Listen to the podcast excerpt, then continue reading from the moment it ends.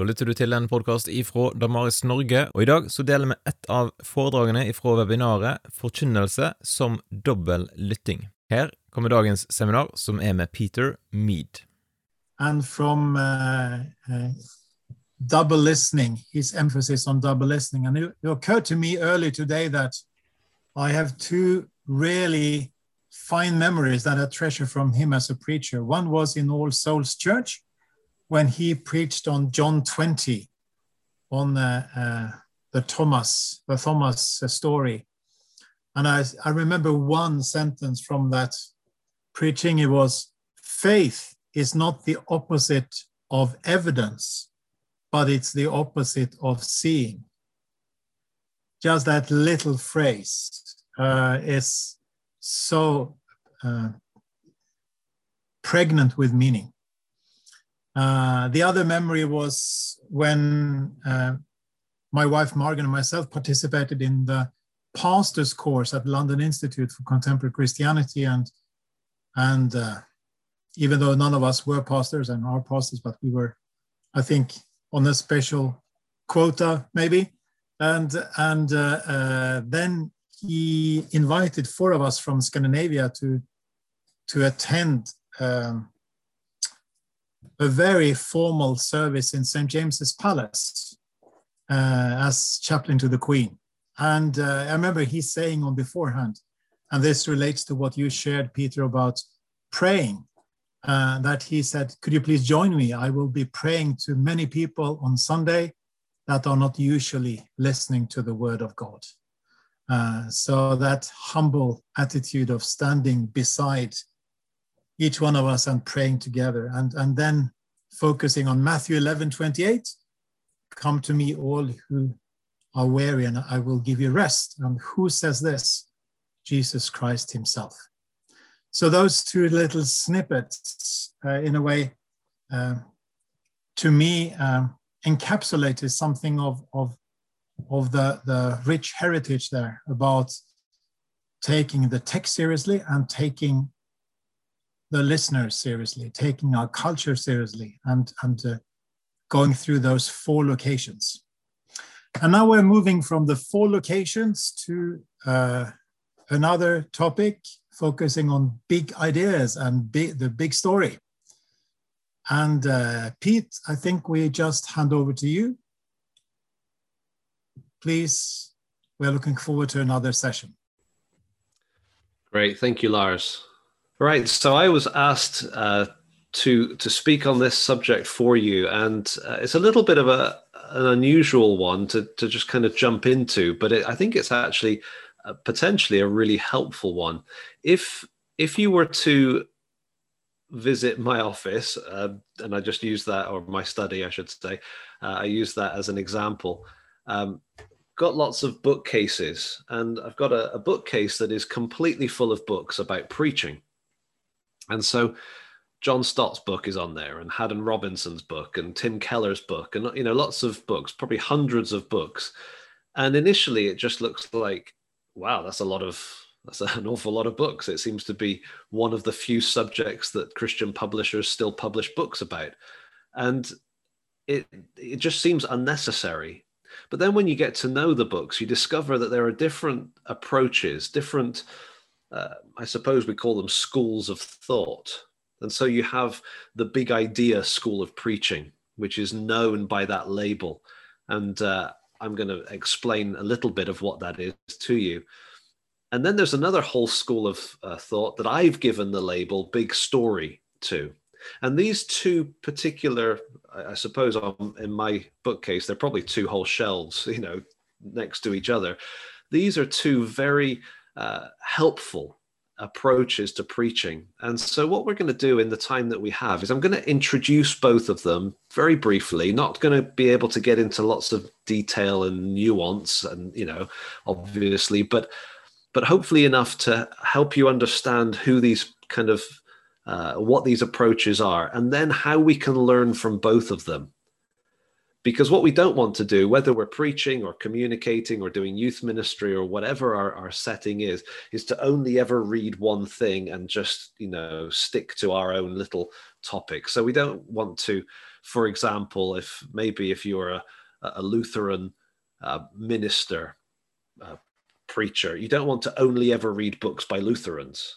You can be Lutheran. I've got no problem with that, but but make sure that you're allowing other influences to make you richer than if all you ever do is read the same stuff, especially in the subject of preaching.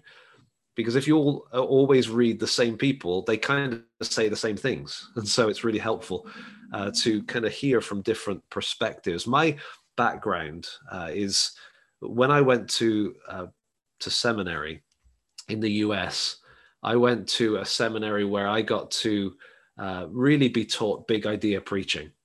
That the, the two people that I had for preaching as professors, as lecturers, they had studied under Haddon Robinson, and he was the, the boss. He was the man in charge of big idea preaching. It was his concept, really.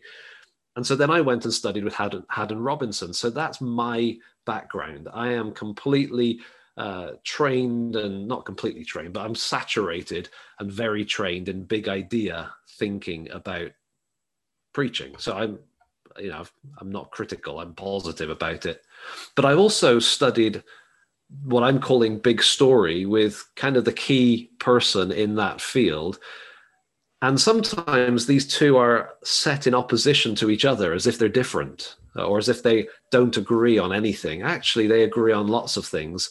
And it was interesting to me that even though I'd heard criticism in both directions, when I studied big story preaching, I studied it in the big idea institution. This guy was a, an invited guest, so there was a real sense of uh, of we're on the you know the same team. We're trying to achieve the same goals. We're just maybe slightly different in our approaches. So let me uh, explain a little bit about these uh, approaches to help us understand uh, what uh, what they're saying. So let's see here. Both approaches, just some basic things here. By the way, I didn't say this before, but I will happily send this PowerPoint to Lars uh, and the last one, and you can have the PowerPoint. So don't feel like you have to uh, spend all your time writing. Feel free to write, but you know I, I will give you the PowerPoint. So both approaches, big idea and big story, are committed to the Bible. Okay, you cannot say that one of them is not, not biblical. They're both Bible uh, approaches. Both approaches are committed to the gospel. Okay, so we're going to see that there is this slight difference in emphasis between Bible and gospel, but both of them are committed to preaching the gospel. Both approaches are let down by bad examples. I think that's uh, important to, to notice because uh, often the criticism that comes from one to the other will be of a bad example of the other. And so if you hear a bad example of big idea preaching, of course it's not going to be very good, right? But that doesn't mean that all big idea preaching is flawed. And equally, if somebody does big story preaching in a way that isn't very effective, doesn't mean that everybody is doing it in that same way. So bad examples are often a, a bit of a problem. It's it's kind of like the problem is not the I was going to say guru, that's the wrong word, but you know what I mean. It's not the expert, it's the disciple often that makes a mess. And certainly that's true with Jesus. It's not Jesus that's the problem, it's us, isn't it? So we've got to make sure we don't evaluate things based on bad examples, but also recognize that both of these approaches are very much used by God to build the church, to reach people with the gospel and to build up believers in the church as well. So lots of positives and i'm i'm definitely even though my background is big idea i'm not just trying to argue for big idea against big story i'm saying no actually i think we're better learning the strengths and weaknesses of both approaches and uh, assimilating that into our own communication and this will apply even if you don't preach if you're doing a, a bible talk for a youth group if you're communicating uh, Bible truths in other settings. I think there's something to learn here for all of us. So let me give a little bit of explanation. Here's a technical bit right at the start. What is underneath big idea preaching? It's a historical grammatical hermeneutic. Now, what does that mean? Hermeneutics are the kind of the rules for making sense of communication. Okay, so you, you, are probably aware of that. Uh, the the rules, the approaches, the principles that you use will determine how you handle the Bible. And the historical cr- grammatical tradition, uh, certainly the, it's the one I was raised in, it says that the Bible passage needs to be understood in light of what kind of writing it is, in light of the historical setting, in light of the grammar, and in light of its context. So when big idea preaching was defined, I, am sorry, I didn't give you the definition. I was going to add the definition in, but then I realized the time zones were different. And so I didn't get to that. But the definition of big idea preaching from Haddon Robinson is uh, that the biblical preaching or expository preaching is the communication of a biblical concept. And then he says, derived from and transmitted through. So you get it and you share it through. And then he says, um, let me see the, the order a historical, grammatical, a literary, grammatical, historical reading uh, of a passage in its context, something like that. He's the only person I know that actually puts the hermeneutical label into his definition of preaching, which is unique, but I think it's probably quite an important thing at the time when he wrote, because other people would have different approaches to the Bible. And he was saying, no, I, am my whole view of preaching is based on the fact that you've got to understand what a passage meant to its original or from its original author to its original uh, recipients. So you're looking at the passage in its context, uh, understanding it, allowing it to give you its meaning. That's the exegetical, uh, you know, uh, kind of approach. And so with that hermeneutic in place, you can then build the big idea approach. They would probably tend to rely a little bit on a verse like this to kind of give an emphasis in what they do 2 timothy 2.15 rightly handle the word emphasis on handling the bible accurately and not just making it say random things or whatever you feel like saying remember what god made it say is better than what you can make it say. So dig in and understand the meaning that's there. The orientation in this approach is towards the passage that you're preaching. So typically, and this will make more sense when I explain big story, but typically what this means is that a big idea preacher will have a passage, could be John 3, verses 1 to 16, it could be Psalm 1, it could be uh, the story of David and Goliath in uh, 1 Samuel, whatever that is, 17. It's not a length of passage, but it's a unit of, of scripture a paragraph, a story, a psalm, a proverb, a single verse in that case, but it's a unit of text. And they'll focus on that and they'll communicate that. And in all likelihood, if they're a big idea trained preacher, at the end of it, you will have a single sentence that summarizes that passage. And that will be the center point of the message. So the focus is on that passage. It's not on kind of, I, I heard a lot of this kind of preaching growing up look at a passage and then keep going to every other passage in the Bible that comes to mind. It's more really exhausting and enjoying that passage, doing the best you possibly can to communicate the unity of that single passage through a single big idea. Now, there is a whole kind of a whole set of explanations for what is an idea. Haddon Robinson talks about a subject completed. Uh, other people talk about a question that's answered. I, I personally find one of the most helpful ways of putting it is a single sentence summary.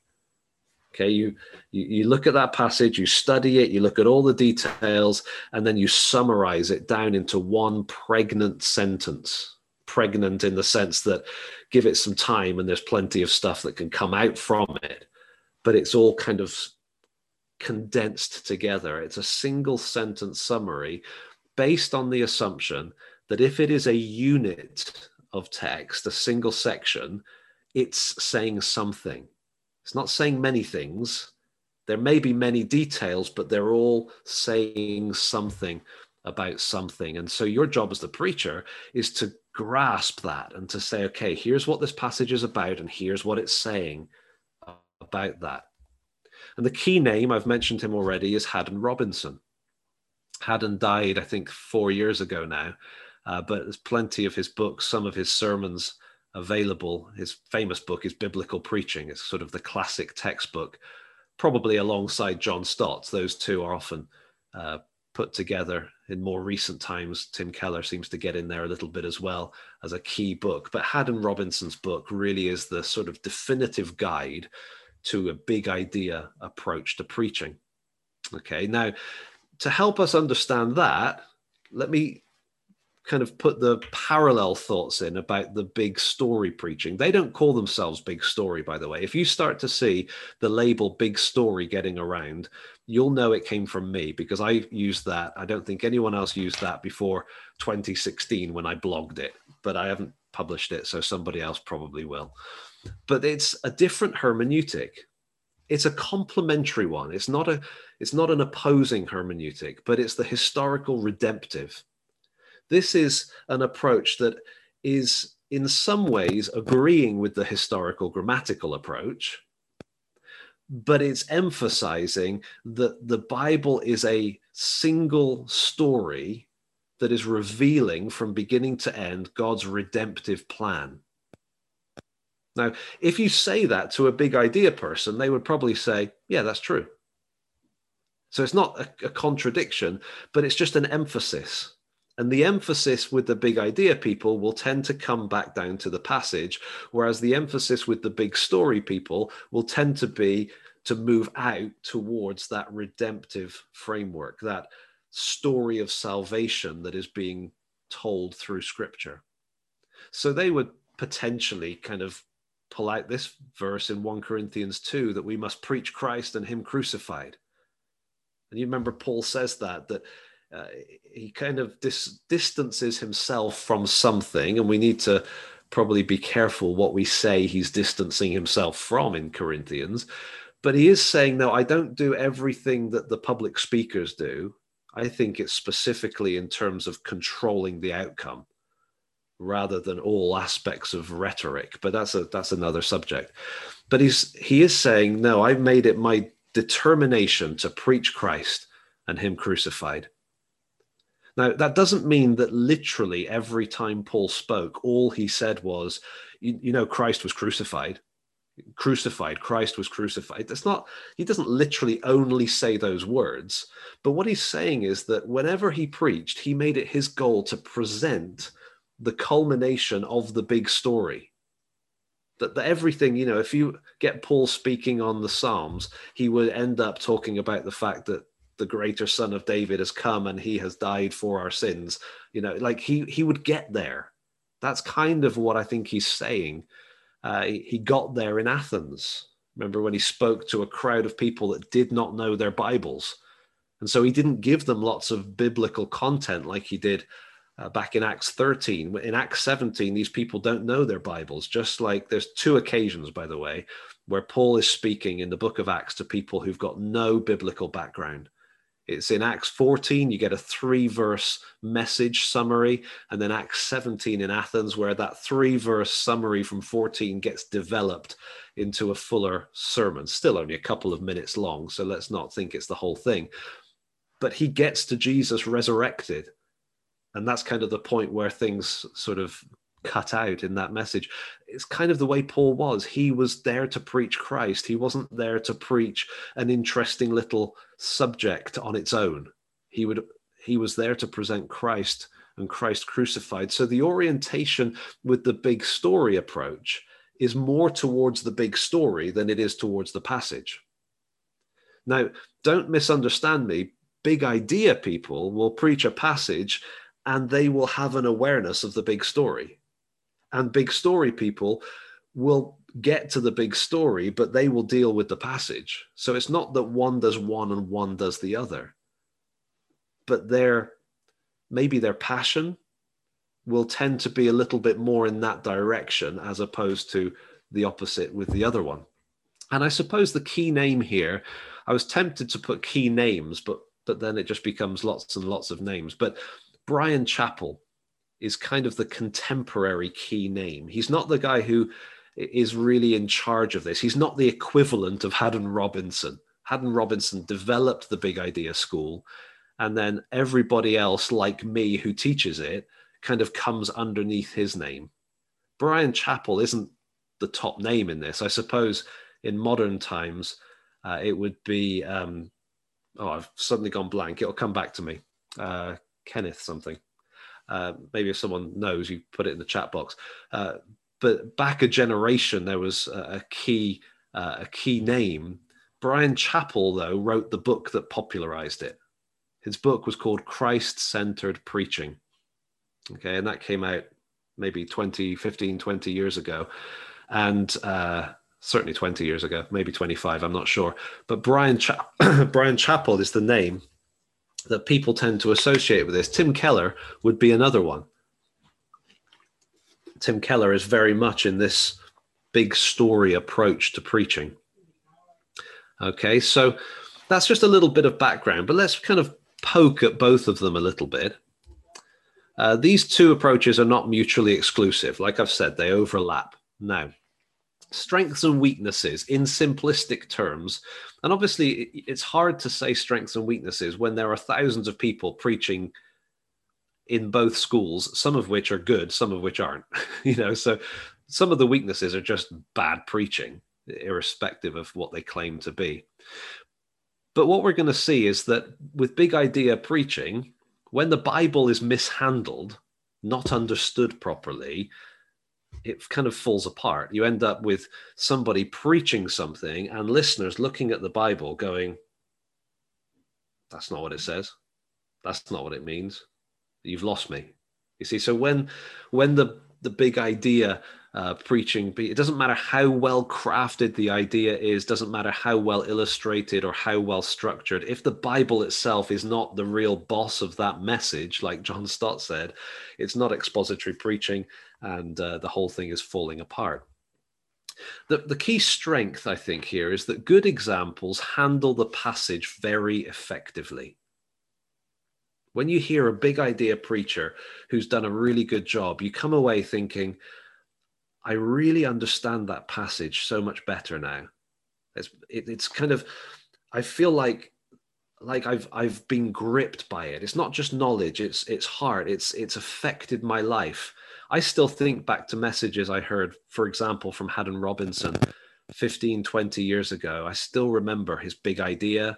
I still remember his applications, some of the things he said. Uh, it's just very effective when it's done well. And I've, I can think of specific sermons uh, by various preachers where at the end of it, I almost feel like you, you can't preach that passage again. It's been done. Of course you can, but you kind of have that feeling of, wow, that was that was stunning. That was that wasn't superficial. That really helped me enter into it. I remember listening to another guy preach uh, John 11, the raising of Lazarus. And at the end of it, I was just really struck by I don't feel there was anything else that could have been said. It was done so well. I've entered into that story, I've experienced it, it's communicated it to me, I've understood it. I feel like my life is marked by it.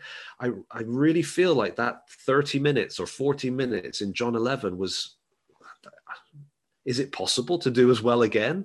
Well, I've preached it again, and maybe not as well as that guy did, but but that's a, a, strength you know it, it allows for the time to really let a single passage do its work in the lives of the listeners.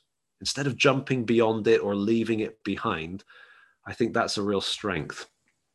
The weakness is that sometimes this is the weakness that often gets pointed out that bad examples lose sight of god's grace plan to transform lives.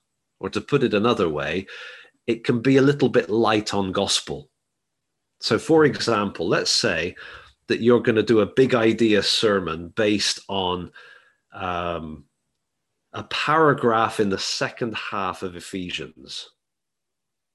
You know what I mean by that? Ephesians 1, 2, and 3 is kind of the theological truth about our calling and you know the body of Christ and all of the richness of the gospel. Chapters 4, 5, and 6 get into okay, so how do we walk in a manner worthy of that calling that we've received? And so it becomes a bit more practical. And so let's say that you're preaching from one of those paragraphs in Ephesians 4 or 5 or 6. And so you you study it within the paragraph, you grasp the main idea. The main idea maybe is tied into an instruction. And so your sermon becomes an instruction. If you're not careful, I think it's a bad example uh, that does this. But what happens is you end up preaching an instruction and getting stronger and stronger, but you've not connected it to the truth of the gospel in Ephesians 1, 2, and 3. You've lost the context. And so it comes across like a, a coaching talk, you know, like your, your high school uh, sports athletics coach who's just shouting at you. That's not good especially, I mean, it's not great in sports either, but it's very much not good in terms of preaching. That passage was never originally intended to just be shouted at people. It was part of the whole book that was intended to be heard as a whole. And so there's lots of ways we can do that, where we look at a passage and we end up just giving instruction based on a good motivation. Maybe we we want people to uh, we want people to have application. People love application right? And so we try to give them application but in doing so maybe we lose the actual heart the motivation the what should be there. Okay so that is where it's weak. Now on the other side of the equation here um, big story preaching also fails when the bible is mishandled. Good examples uh, will handle the uh, sorry where the Bible is mishandled, good handling of scripture is required for all biblical preaching. Where big story preaching kind of doesn't quite do a very good job, it's going to fall apart no matter how effective the rest of the sermon may feel. Okay, so the strength, uh, I think the big strength of the big story approach is that good examples of it present the gospel very effectively. And some of the best presentations of the gospel that I've heard have come from the big story people when they have taken a passage and they have allowed not only the passage to be preached in its own right, but they've showed where they've demonstrated where that passage takes us. You know, it kind of moves us to the point where we have to then respond to the gospel. There's different ways that that can happen, but when it's done well, it's very effective. The weakness I feel maybe the most common weakness is that in a big story approach to preaching, people will sacrifice the passage in order to get to the gospel. And that's my big frustration with it is that they maybe will start with an introduction, read a passage, make some comments about the passage, maybe a sort of an overview of it, but the motivation is to get past it to the gospel. And so then they make this jump from some detail in the passage, maybe a word, maybe, you know, I mean, let me give you a silly example. Okay, so you're in a psalm, you're preaching a psalm, and the psalm has got, say, 10, 15 verses, doesn't matter. And you're preaching it, and you're kind of talking about the first three verses tell us the problem, the next four verses tell us, you know, the, the prayer of the psalmist, and the last four verses tell us God's answer whatever. Um, the word and is used in this psalm, which reminds me of John 3 16.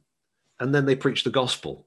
And you go, what have you done? Like, where's the connection between that psalm and John 3 16? You, it sounds like you just wanted to preach John 3 16.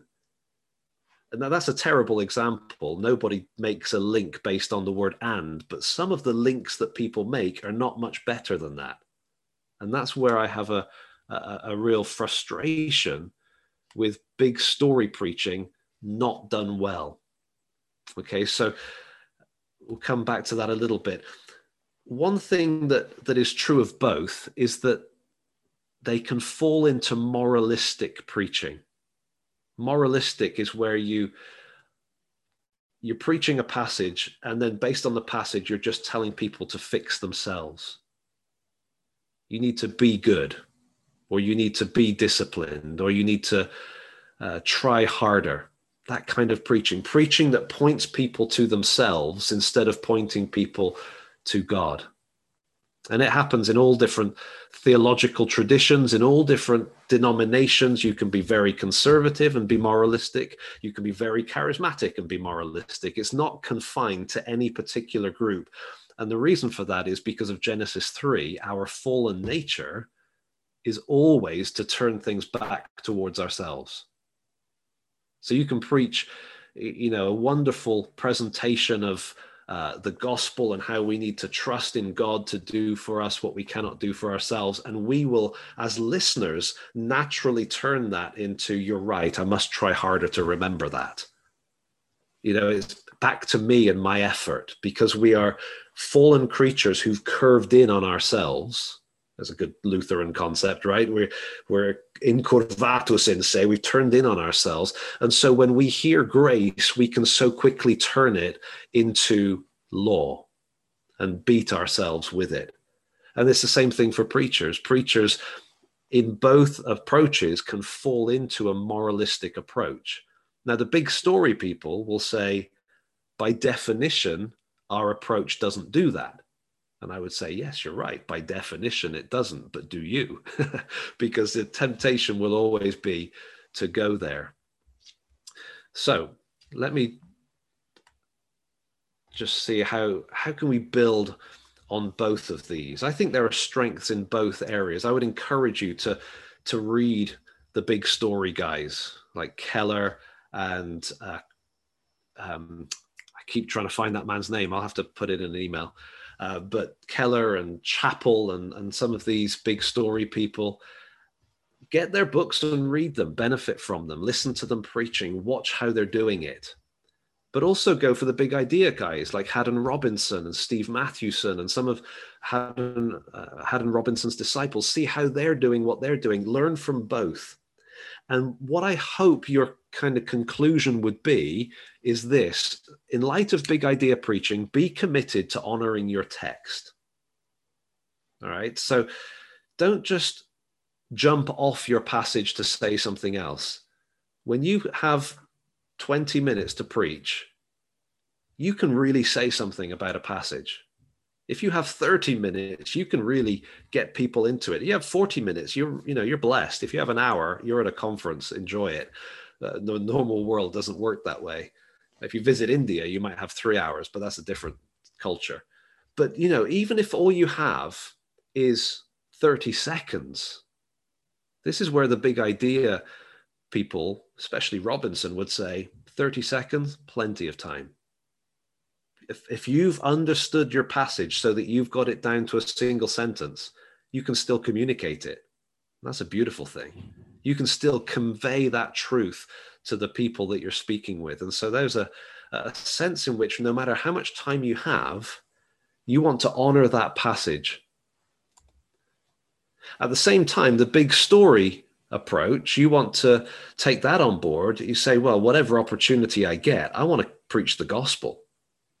It's not enough to, to tell people a story about someone in ancient Israel doing something. I, I want people to know that they need to trust in God and trust in Jesus. You know, God's grace is the only thing that can save us. You want to be committed to that, whatever time you have. And so it kind of becomes like this arrow where we're moving from uh, a commitment to text to a commitment to gospel. How can we hold both of those? Well, on the kind of the red end of the scale here, the big idea end, allow the uniqueness of your passage to shape your sermon.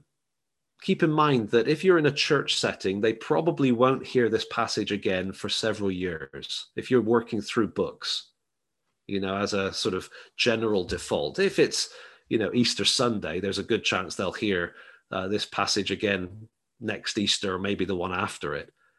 But if you're working your way through a sermon series in Galatians, which would be a, a wonderful thing to do with your Luther commentary on your study desk, as I would, uh, his introduction to Galatians commentary, absolutely wonderful. I'm a huge fan of Martin Luther. So let's say that you're working your way through Galatians when are they going to get Galatians 3, verses 1 to 3 again?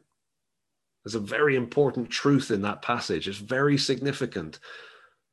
But if you don't really preach it on this particular occasion, they may not come back to Galatians in a preaching sense for two, three, four years. Who knows? And if you're doing a series in 1 Kings, you know, something obscure, you know, Old Testament like that, they may never hear another sermon from 1 Kings.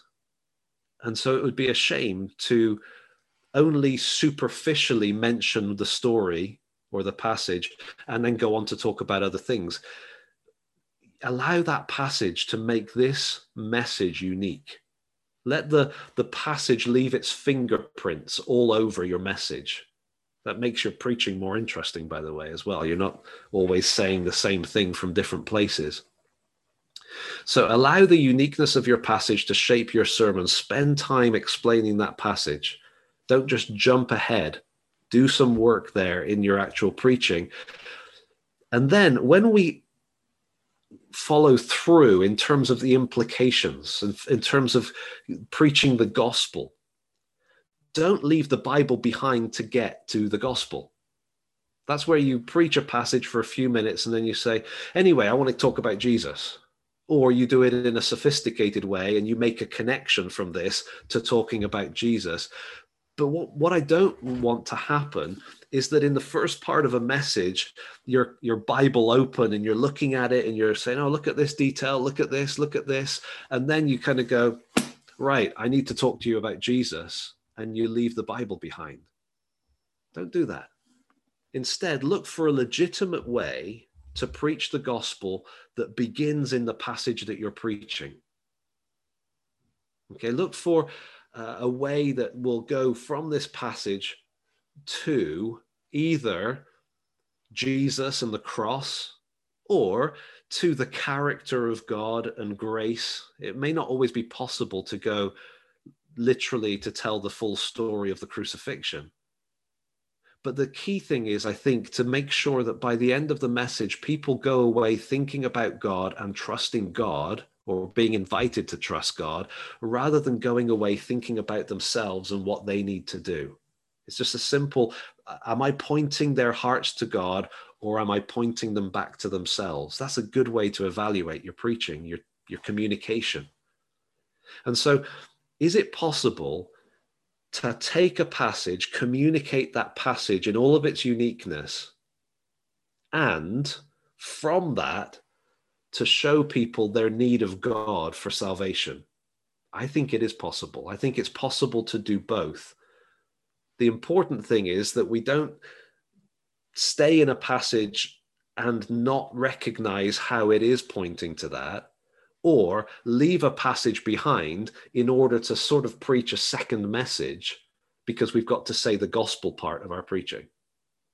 Now, I grew up in a, a tradition that uh, has a, a Sunday evening or had a Sunday evening gospel service. All right. Every Sunday evening, somebody would come and they would preach the gospel. I always thought it was a little bit strange because it was so targeted at non-Christians and we were all Christians, but still it was part of the tradition that you you know you have that gospel presentation.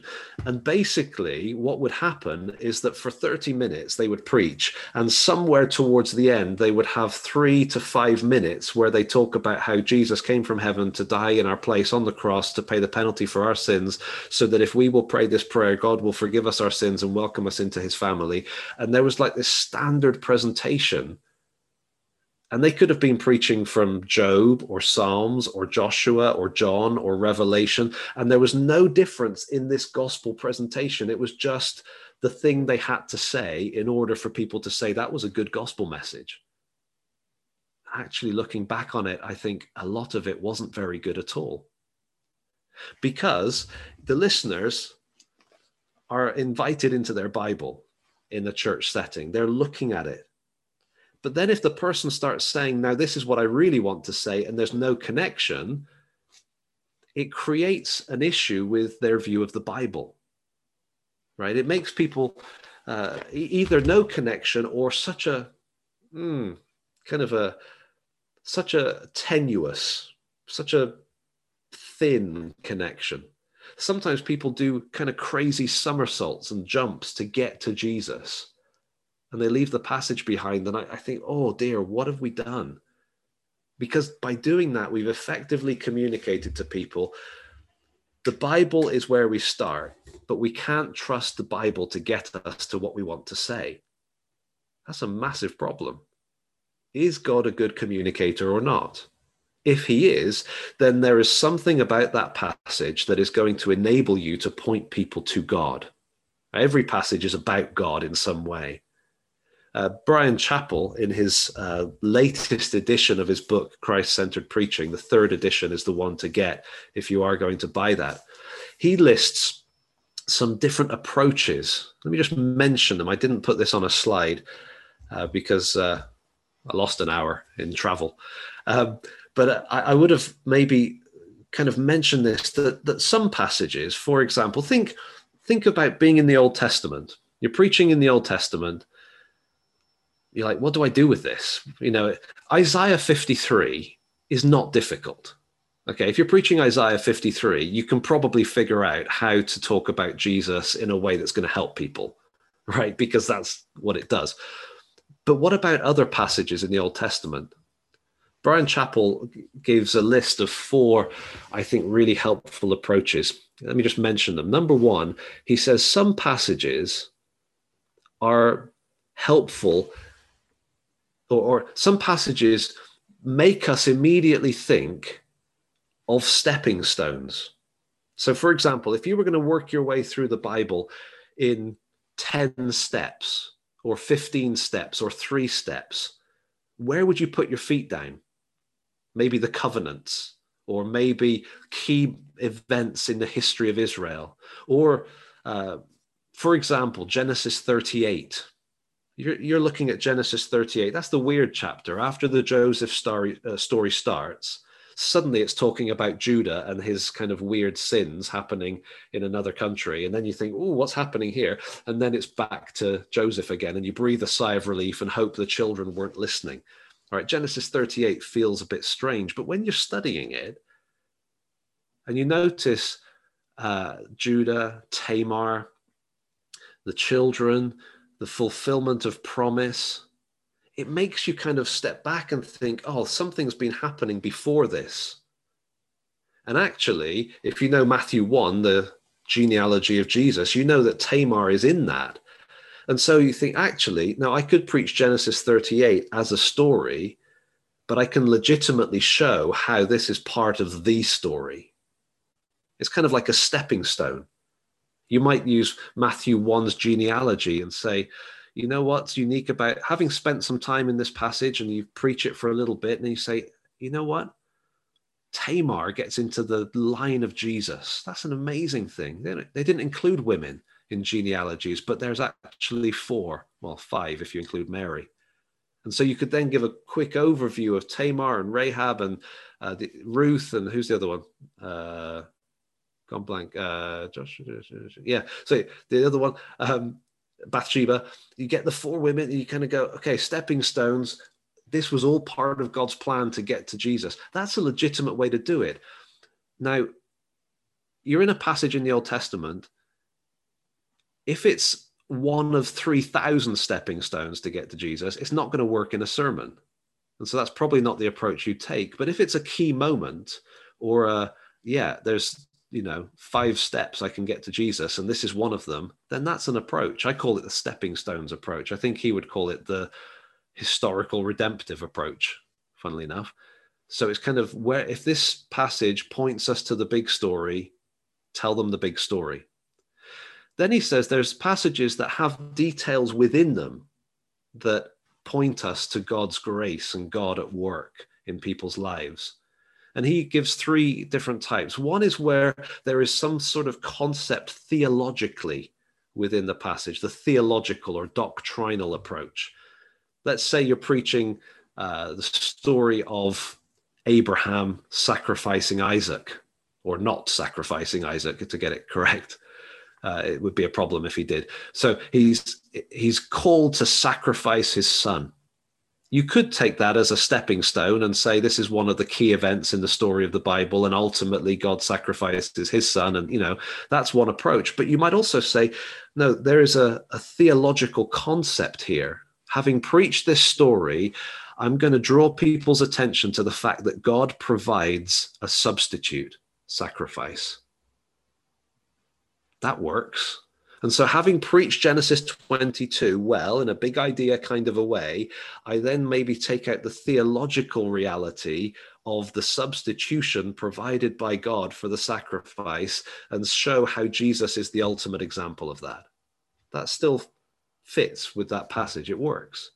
So, sometimes there's a theological concept, sometimes there's wording in a passage uh, he calls it, I think, a literary motif, but but wording that just feels like it's too deliberate to be an accident. Tim Keller is wonderful at recognizing sometimes the wording and the specific uh, kind of inspired text details. In the Genesis 22, by the way, it's a good example because it gives us all the options you could say substitutionary sacrifice is the way I'm going to preach the big story. Or you could say, isn't it interesting how the, the way God calls I, uh, Abraham to sacrifice Isaac is so deliberate in the wording.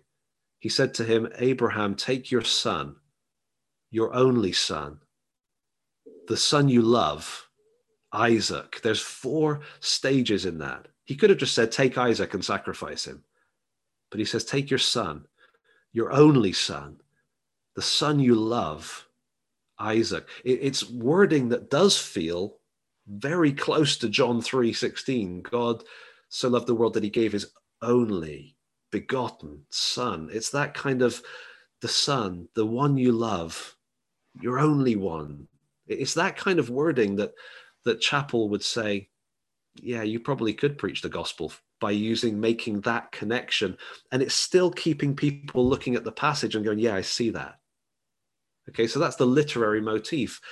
And then the fourth approach is what he calls the relational one. And that's the one that Bryan Chapell uses the most. It's the one i would use the most.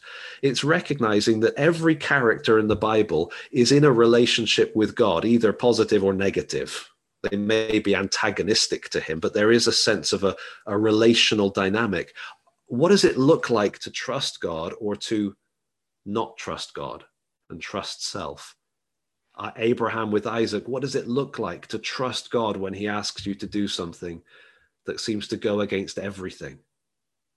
What does that look like in, uh, in Abraham's terms and what would that look like for us? And so you can take these approaches, the historical redemptive kind of stepping stones, or the theological, the literary motif, or the relational within a passage, and legitimately from that passage preach something that is pointing people to trusting in God for salvation. Okay, and we don't have to leave the Bible behind to do that. When I uh, took a class with Bryan Chapell, uh, he said he did not want to call his book Christ centered preaching. He said he called it redemptive preaching. Redemptive, as in salvation preaching because he said everything in the Bible is written after Genesis 3, after we fell into sin. And everything is written after God promised to fix that in Genesis 3:15. And so everything in some way is part of the big story of how God is saving us. He said I wanted to call it redemptive preaching. The publishers said that would never sell. Let's call it Christ-centered preaching. He said if we call it that, people are going to make bizarre jumps to Jesus without doing it from the text. And they insisted, and he said they were right. It sold lots of copies because it's called Christ centered preaching. But he was right. A lot of people have done these bizarre leaps to Jesus. What I'm saying and what Bryan Chapell would say is don't do that. Let the text preach, let it communicate, and let it communicate God's grace. Let it communicate God's plan. Let it take you to that preaching that is going to make a difference in people's lives. So we've got big story and big idea. All right. They're sometimes pitted against each other as if there's a, a fight between them. And I could give you some of the insults that people like to throw into the other camp. Yeah, oh, you always do this. Well, yeah, but you always do that. I've I've heard them. I've tried not to say them. Okay, but the reality is that actually these two can really work together. I think from the big idea side, the more we spend time handling, understanding, and communicating the text itself, the more there is an authority to what we say. All right. And then uh, on the big story side, we've got to recognize that as people are pointed to the gospel, there is power for the transformation of lives. And so, what we want is for both of these to be at work. We don't want to sacrifice biblical authority in order to preach the gospel, but we also uh, don't want to drop the gospel in order to make a lot of the Bible. Do you see what I mean? We need both. To me, it's logical that we have to do both. The challenge is how do we do both together, starting in a text and letting the text drive us to some aspect of the gospel? Okay, so there we go. That's a quick introduction to both big idea and big story preaching.